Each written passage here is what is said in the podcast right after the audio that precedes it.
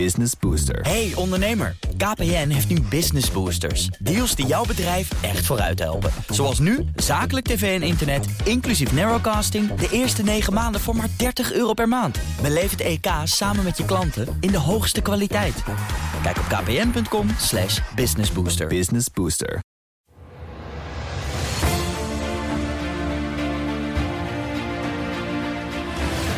Toen begon ik me wel zorgen te maken. Ik kreeg echt het gevoel van nu gaat het mis.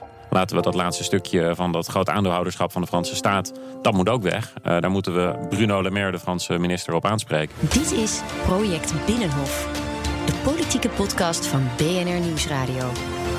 Wat gebeurt er in de wandelgangen als niemand kijkt? Met Sophie van Leeuwen en Laurens Boven. Elke vier minuten vertrekt of landt er ergens ter wereld een vliegtuig van de KLM. Your gateway to travel enchantment. Reliable KLM. Betrouwbaar KLM. Dat waren nog eens tijden, hè? Vroeger, de tijd van de blauwe trots. De Nederlandse zwaan die de wereld overvloog. Een paar reclames van de afgelopen ja, decennia eigenlijk. KLM, daar gaan we het uh, vandaag over hebben. KLM groot in het nieuws natuurlijk deze week. Vanwege de machtsstrijd die is beslecht. Afgelopen woensdag in Parijs. Um, en en uh, volgens de verhalen met een overwinning voor Nederland, voor de KLM. Jan Paternotte zit hier, Kamerlid van D66. En Gijs van Dijk, Kamerlid van de Partij van de Arbeid. En uh, twee heren, maar wel eentje van de coalitie en eentje van de oppositie. En dat doen we expres, omdat we in deze podcast ook willen weten... Ja, hoe nou het spel wordt gespeeld en is gespeeld rondom de KLM de afgelopen uh, weken. En natuurlijk Jan Paternotte van D66. Jij wist van de hoed en de rand. Gijs van Dijk van de oppositie.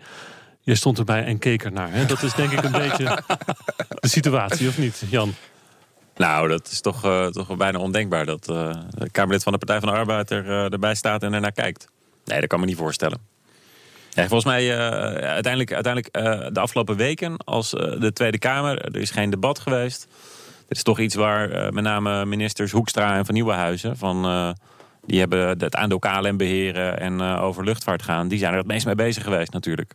Ja, maar goed. En Gijs van Dijk en ik stonden allebei uh, langs de kant en gaven vrijblijvend advies. Opvallend ja. is trouwens wel dat Jan Paternotte D66 de KLM Air France kleuren aan heeft.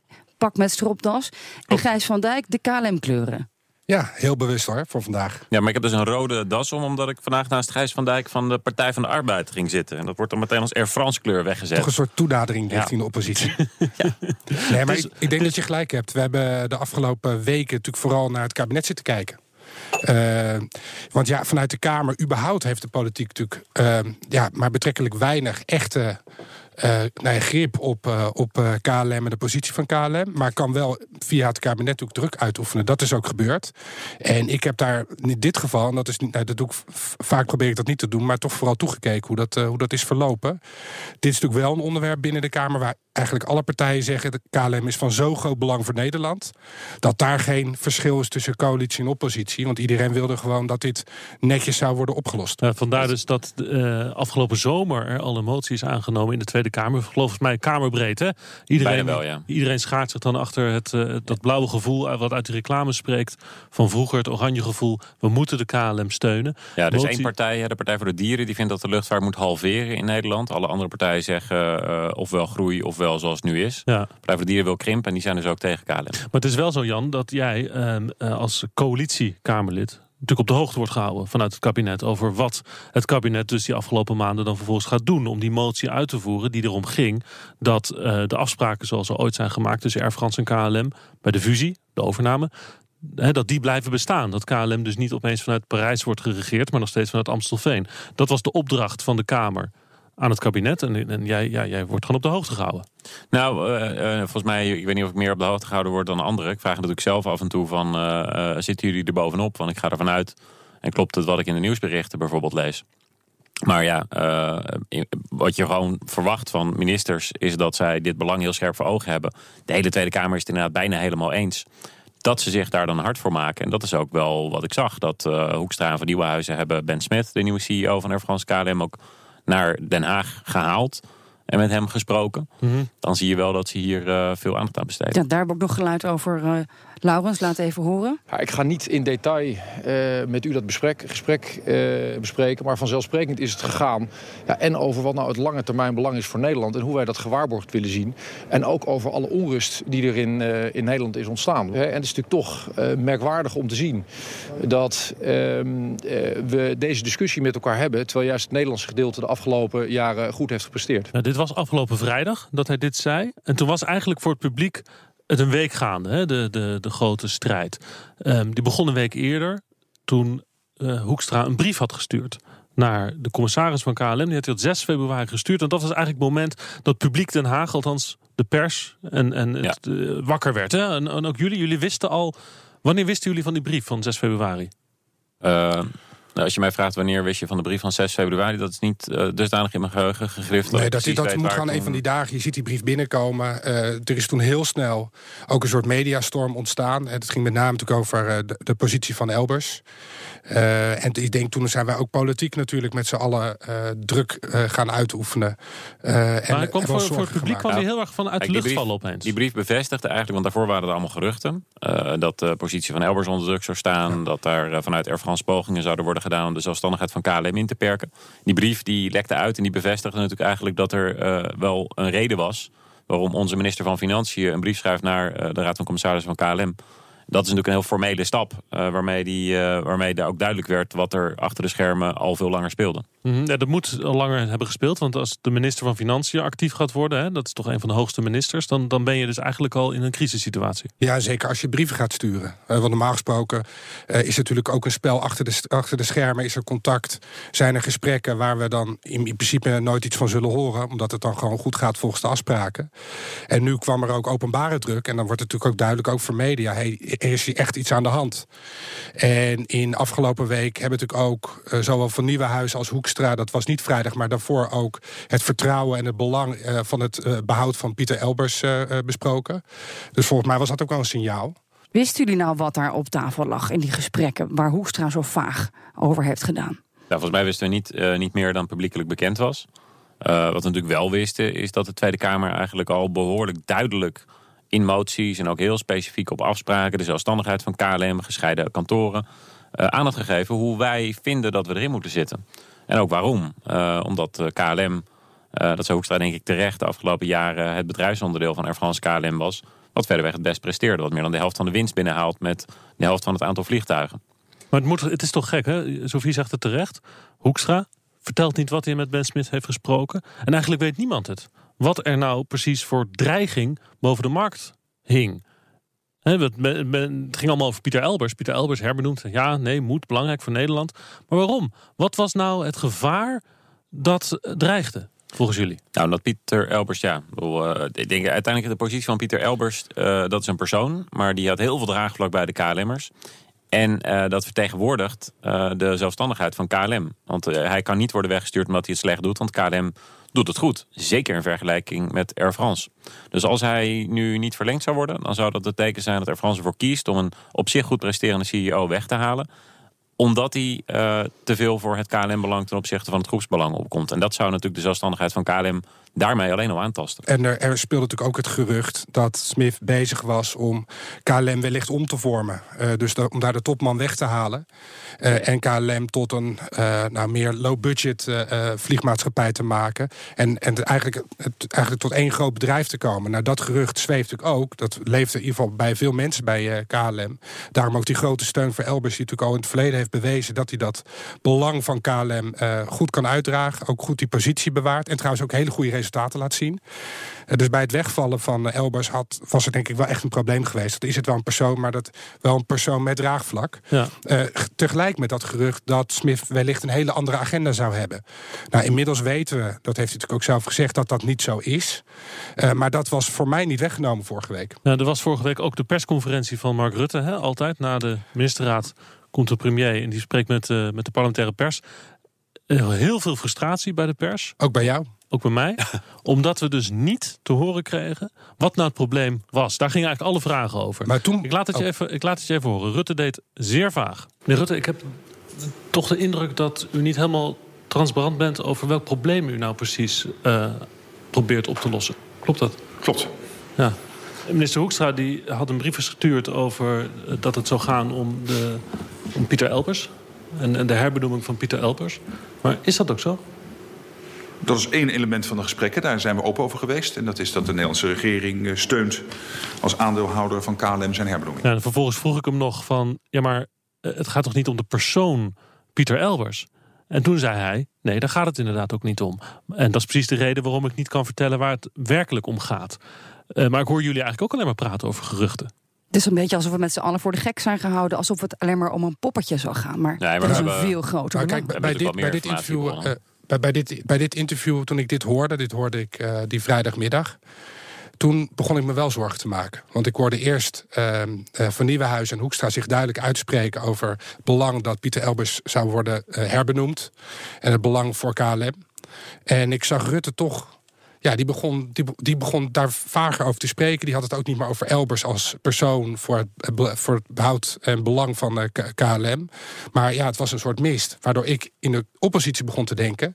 Wellicht is, is er wel iets van waar van die geruchten. Jij werd net is, zo wantrouwig als ja, wij zeker. Ik dacht misschien is er wel een veel grotere deal straks met Frankrijk... en is KLM daar onderdeel van. Ja, dan krijg ik wel dat soort gedachten. Uh, ja, dat is ook wel mijn rol. Ja. Uh, ook omdat we eigenlijk geen meer, niet meer informatie hadden dan de uitspraken en de brief van Hoekstra. Het is, wel leuk, het is wel leuk om dat te, te constateren. Hè? Dat jij dus als oppositiekamerlid um, eigenlijk net zoveel weet als, als, als wij van de pers of mensen die buiten dit gebouw uh, wonen.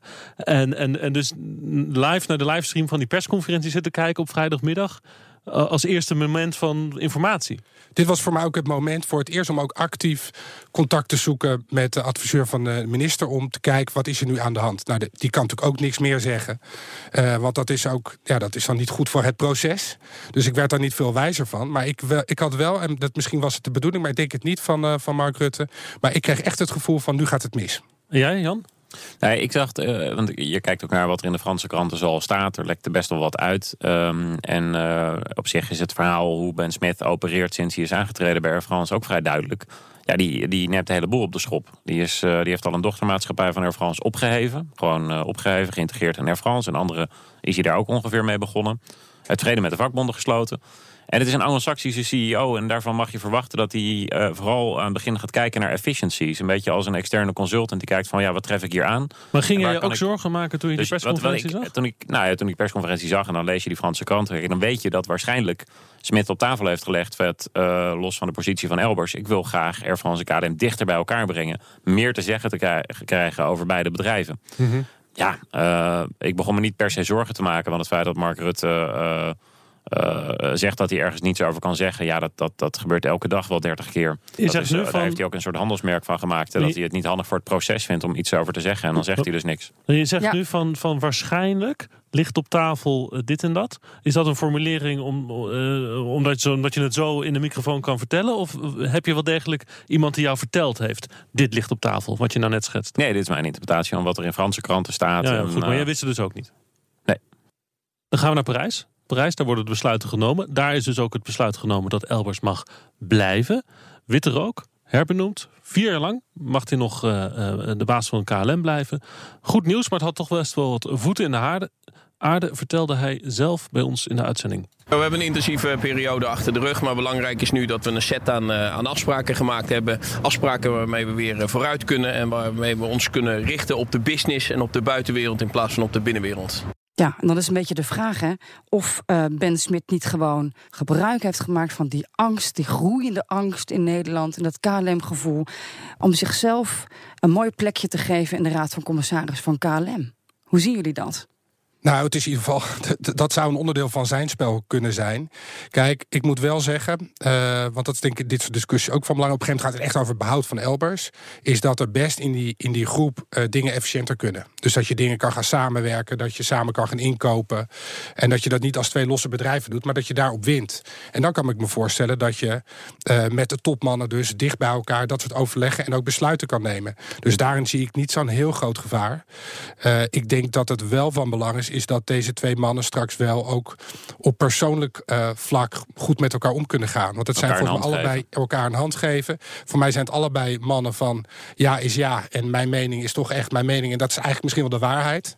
Dus dat daar wel het meest spannende zit voor de komende jaren. Of zij niet vechtend uh, in de boardrooms uh, zitten, maar goed met elkaar overleggen in het belang van de beide bedrijven. Misschien moeten ze een keertje een weekendje naar de Antillen of zo samen. Ja, misschien zo'n zo'n zo zo ik weet hoe doe je dat in de coalitie eigenlijk? Af en toe samen gezellig eten. Um, nou, we hebben gewoon wat dat betreft het model van de VVD-PVDA-coalitie overgenomen. Die hebben uiteindelijk toch vijf jaar volgehouden. En die uh, schijnen regelmatig coalitieborrels te hebben gehad. Ja, dus dat hebben, we dan, hebben we dan nu ook. Maar samen naar de Antillen weer niet. Uh, nee, wat, wat ze misschien moeten kijken... Elbers is marinier, dus misschien moeten ze een keer samen gaan survivalen. Uh, nou, dat is best een idee. En dan, dat, dat schept natuurlijk een enorme band. Nee, dat zou wel fijn zijn als de heren elkaar gewoon een hand uh, kunnen geven. Maar met welk gevoel bleven jullie nou achter in de Tweede Kamer? Dit is misschien een tactiek geweest vanaf het begin. Om die twee takken, Frankrijk en Nederland, dichter bij elkaar te, te brengen. Le mariage, het, het huwelijk naar de verloving. Wat was nou het gevoel na afloop dat jullie hadden? Hebben we nou gewonnen of hebben we verloren? Nou, ik vind nog steeds, en dat is, was voor deze, deze discussie, is natuurlijk, wij moeten accepteren dat er is op een gegeven moment besloten dat wij als politiek niet hele grote invloed hebben op KLM. We hebben, allemaal, we hebben allemaal blauw bloed. We houden van het bedrijf en het is goed voor Nederland. Maar aan de andere kant hebben we ook uh, uh, besloten dat dit redelijk zelfstandig bedrijf verder gaat in, in samenwerking met Air France. Er is iets anders bij in Frankrijk aan de hand. Daar is nog steeds een flinke politieke invloed vanuit de politiek in het bedrijf zelf. En dat is niet volgens de afspraken. Dus daar blijf ik me zorgen over maken. Dat, was, dat zag je ook rond deze discussie. Wij moeten allemaal informeel naar Den Haag. Met het kabinet gaat informeel naar Den Haag om druk uit te oefenen. Ja, maar hier is, ik ook, Jan toch, hier is toch ook heel veel invloed. Hoekstra heeft toch een brief gestuurd aan de Raad van Commissarissen? Ja, maar, maar formele invloed uh, is er wel vanuit uh, Frankrijk uh, en minder vanuit Nederland. Dus we zitten wel in een ongelijke positie richting Frankrijk. En dat baart me zorgen. Dat betekent dat je warme betrekkingen moet houden. Maar dat we ook gewoon Frankrijk moeten vragen zich aan de afspraken te houden. En die politieke invloed die zij nog steeds sterk hebben op dat bedrijf. Om dat echt te verminderen. Want anders blijft het gewoon een ongelijke strijd. En dan zitten we over een paar jaar weer precies hetzelfde. In precies dezelfde discussie. Mm -hmm. Dat we ruzie krijgen op basis van een goed lopend Nederlands bedrijf. Uh, met Frankrijk. En, dat zou, en ik zou dat wel ook verder willen discussiëren en dat voor willen zijn. Maar dat gaan we krijgen, toch? Dat gaan we krijgen. Ja, maar wat dat betreft is het, het is oorspronkelijk natuurlijk een beetje als een verstandshuwelijk begonnen, Air France KLM. Want er moest een partner komen omdat KLM uh, alleen het niet zou redden. Dat zie je ook bij de luchtvaartmaatschappijen die dat wel hebben geprobeerd alleen. KLM staat er echt wel veel beter voor dan die uh, kleine. Uh, de Belgische luchtvaartmaatschappij is failliet gegaan.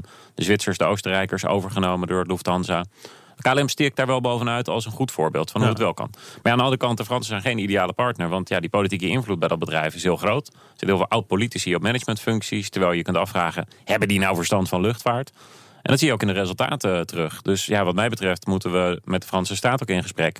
om uh, af te spreken dat zij hun aandeel in Air France gaan afbouwen. Want de Franse staat is de grootste aandeelhouder van Air France KLM.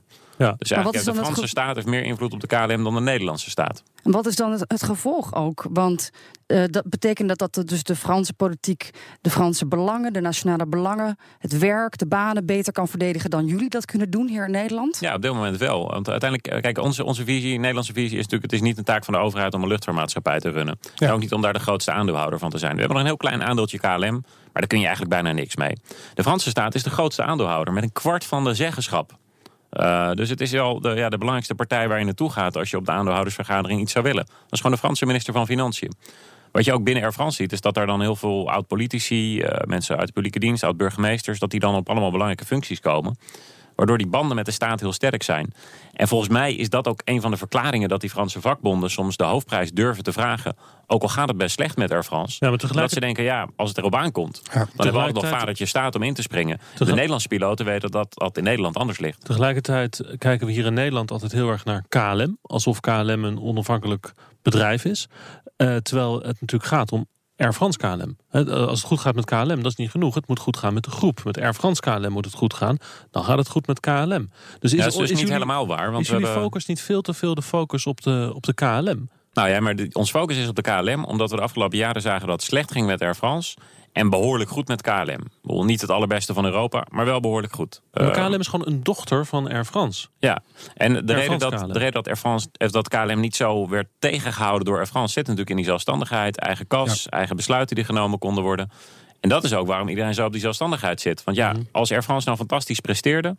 prima om dan veel meer samen te werken, veel meer synergie te hebben. Maar de angst is natuurlijk dat KLM wordt tegengehouden...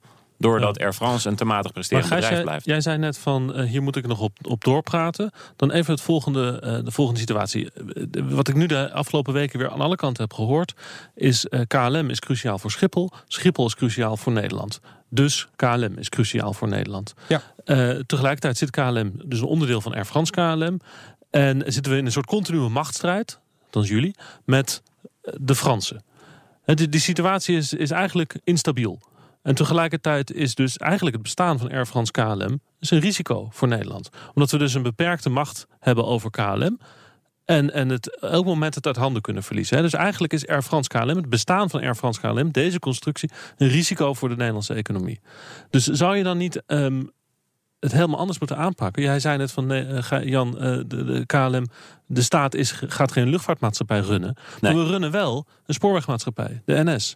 Hè, dat is ook gewoon een staatsbedrijf met een publieke functie, cruciaal voor de Nederlandse economie. Moet je de KLM niet ook gewoon zo gaan behandelen als een bedrijf wat cruciaal is voor de Nederlandse economie en waar we dus volledig zeggenschap over moeten hebben? Nou, laat ik eens beginnen. Waarom is KLM nou van belang? Omdat met KLM vliegen we over de hele wereld. En dus is Schiphol een heel belangrijke hub. Even een hubfunctie noemen we dat. En dat betekent heel veel bedrijvigheid in Nederland. Omdat het aantrekkelijk is. Schiphol is heel makkelijk. eh, je- daar kan je de hele wereld eh, mee eh, over. En daarom zitten er ook heel veel bedrijven extra in Nederland. Ja. Dat is de economische kracht die we hebben met Schiphol. Maar KLM, KLM, in die zin bestaat eigenlijk niet. Hè? Het is Air France KLM. En de baas van Air France KLM zegt... Air France is het premiummerk. Hè, Nou, dus, kijk- dus dat is het... het binnen de afspraak, en heeft, eh, dat, wat Jan net zei, dat klopt natuurlijk, is er wel gewoon een aparte kast. Dus kijk, op het moment dat, de- dat het bedrijf volledig zou fuseren tot één bedrijf, dan wordt KLM de sponsor van het verliesleidende deel van Air France. Dat is dan wat er direct gebeurt.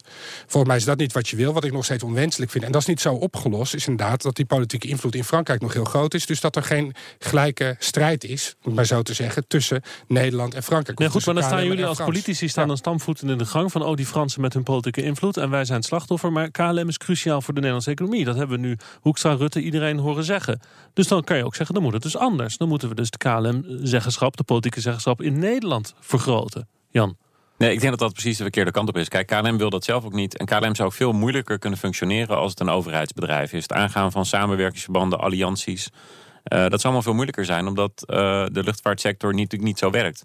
De noemt de vergelijking met de NS, maar daar heb je één rails liggen. Er kan één trein overheen. Het is heel erg lastig om daar een vrije markt met concurrentie, zoals in de supermarkt, te organiseren. Waar je blikjes eh, cola en eh, van verschillende merken naast elkaar hebt staan.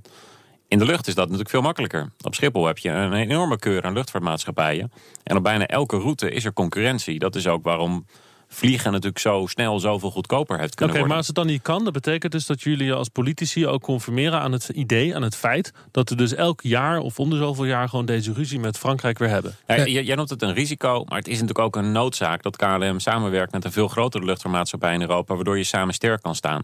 En deze partner Air France is niet ideaal. Maar als we teruggaan in de tijd van wat zijn nou de alternatieven geweest, en heel veel verkend, Alitalia, nou dat is inmiddels failliet. maar Eh, British Airways had ook gekund, maar ja, eh, die is inmiddels Brexit. Jawel, maar dus Air uiteindelijk France- is Air France niet ideaal, maar, Ja, maar Air eh, France- laten we wel zijn, Air France KLM misschien toch wel de beste die we in Europa hadden kunnen vinden. Tegelijkertijd ook een staatsbedrijf. De 14% is in handen van de Franse staat en daarmee de grootste aandeelhouder. En dat is wel flink afgebouwd.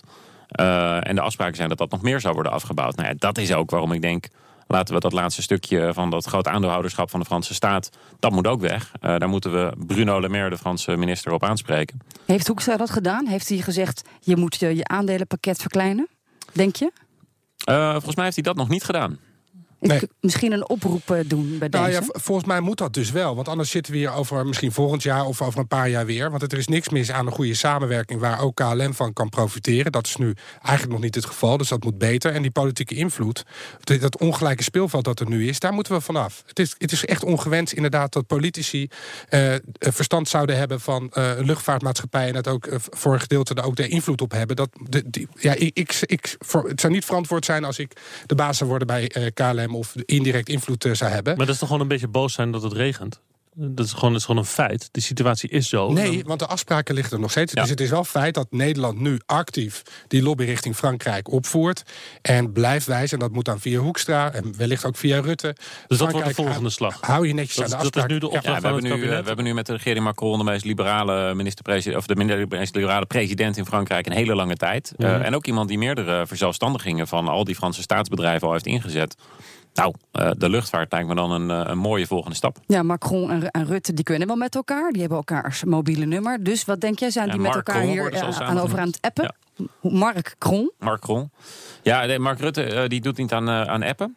Uh, die sms't uh, de hele tijd. Dus die, uh, ik denk dat hij aan het sms'en is met Macron. Maar dat is hij aan de lopende band aan doen. Dus ik mag hopen dat ze ook dit af en toe aansnijden. Want het is misschien een van de belangrijkste gezamenlijke belangen van Nederland en Frankrijk. Maar als het dan niet lukt om Macron te overtuigen om die aandelen te verkopen, wat gaan we dan doen? Wat gaan jullie dan doen?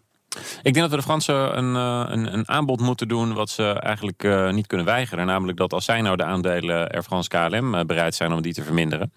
Uh, dat wij ook bereid zijn om te zeggen: oké, okay, dan hoeven wij ook geen aandelen KLM meer te hebben als Nederlandse staat. Hè. Dan gaan we uh, gelijk, gelijk, over. gelijk oversteken. Nederland heeft namelijk ook nog een aandeel in KLM. Ja. Volgens mij is dat vooral een emotieaandeel. Dat is een aandeel Ajax. Dat hebben we gelukkig als staat ook niet, hoe mooi het ook zou zijn. Um, en we hebben, ja, als ik de minister vraag: van, wat, wat, wat kunnen we nou nog met dat aandeel KLM, die 6%, is het antwoord eigenlijk heel weinig. Het is alleen een onderdeeltje van de Nederlandse nationaliteit van KLM. Maar dat kun je ook op een andere manier oplossen. Nou, en het is de reden waarom uh, Elbers nu ba de baas blijft. Hè? Want dat die 6% aandelen was... Uh, nee, ik denk niet dat dat de reden is dat Elbers nee, nu dat was, de baas dat, blijft. Nee, dat was nee. het excuus voor Hoekstra om een brief te sturen naar de Raad van Commissarissen van KLM. Ja, maar Hoekstra heeft altijd nog een excuus, namelijk het Nederlands belang om... Vestigingsklimaat. Uh, vestigingsklimaat. Hij praat met wel meer bedrijven, ook waar Nederland geen enkel aandeel in heeft.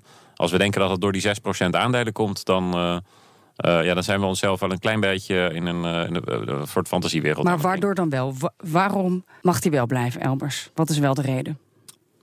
Nou, ik denk dat je er best wel aan aanwijzen. Eén een daarvan zou ongetwijfeld zijn dat uh, Ben Smit dan binnen een half jaar tijd bij zijn meest succesvolle bedrijfsonderdeel, namelijk KLM, ja, dat is een mij totale reden. opstand van het personeel zou hebben gekregen. Er is geen enkel argument uh, om hem niet uh, opnieuw te benoemen. Dat is gewoon een feit. Het, het, bedrijf loopt goed, hij heeft enorm draagvlak bij het personeel. Uh, dus waarom zou je Elbers vervangen? Nou. Is het nog leuk in de luchtvaartcommissie? Het is hartstikke leuk in de luchtvaartcommissie, uh, om, omdat Gijs uh, nou ja, we, erbij zit. We, we, gaan het binnenkort weer hebben over mogelijke uh, groei van Schiphol... en over de, de, de, de komst van Lelystad, of niet. En dat, dat worden pittige debatten, denk ik, de komende, komende tijd. Succes daarmee. Ook succes met de, de, verkiezingscampagne, waar jullie nu weer in vrijlaten. Het zou fijn zijn natuurlijk als jullie als politici net zoveel steun onder het volk hadden... als Pieter Elbers onder zijn personeel. Uh, ja, zeker. Dan werken we iedere dag maar het zou, het zou ook niet goed zijn. Hè? Dan zou dus één partij 75% van de stemmen halen. Droom je daar niet eigenlijk van, Jan? Uh, ja, dromen doen we genoeg, maar we hebben ook doeners nodig. Ah. Oh, dat is... Ja, nou, ik, ook ik, drammers. We hebben ook drammers nodig. Ja, de, de, de ja, drammers, drammers en de doeners van de VVD. Nee, ik opteer wel voor die 75%. Het lijkt me, lijkt me, uh, lijkt me mooi. Kijk aan. Goed, twee KLM-drammers. Dank jullie wel. Oh, ja, dram. Ja. en uh, uh, Roeland uit uh, Rotterdam die had ook nog wat ideeën voor de volgende keer. Hij wil vooral eigenlijk de mensen hier van de facilitaire dienst voor de microfoon hebben. Dus de mensen die de koffie en de thee brengen en het gebouw schoonmaken. Om eens een beetje een andere invalshoek te hebben op dit bedrijf. Hebben die een spreekverbod? Niet dat ik weet. Die horen nee. heel veel. Nee, dat is, die, ja, dat is heel interessant, want die lopen hier uh, s'avonds laat rond. Die zien alles, hè? Die zien alles wat er s'avonds laat gebeurt. Ja. Als Gijs en ik al lang onze, onze ik sta wel eens met, uh, zijn. Ik sta wel eens met de mensen die de supposten, hè, van de, die dus in de kamer jullie ja. koffie brengen. Uh, sta ik wel eens in de lift. En je hoort de meest fantastische verhalen over... Uh, over hoe het is. Eigenlijk heeft Roeland wel een beetje gelijk. Over hoe de Tweede die... Kamer zijn personeel behandelt. Het doet een beetje denken aan het boek over uh, met alle mensen die uh, over een periode van 40 jaar in het Witte Huis hebben gewerkt. In, uh, in de keuken en in bedieningen die dan daar een boekje over open doen. Jan Paternotte, D66, dankjewel. Gijs van Dijk van de Partij van de Arbeid, ook dankjewel. Volg ons op Twitter. BNR, BNR Politiek. Precies. En op Instagram, BNR Project Binnenhof. Uh, recensies en uh, ideeën voor de volgende uitzendingen kunnen altijd naar denhaag.bnr.nl. Volgende week trouwens, oh dat kunnen we al verklappen. Hè? Volgende week is het reces. Maar we hebben dan te gast Ronald, Ronald van Raak van de SP. En dan gaat het over de vraag wie de baas is op het Binnenhof.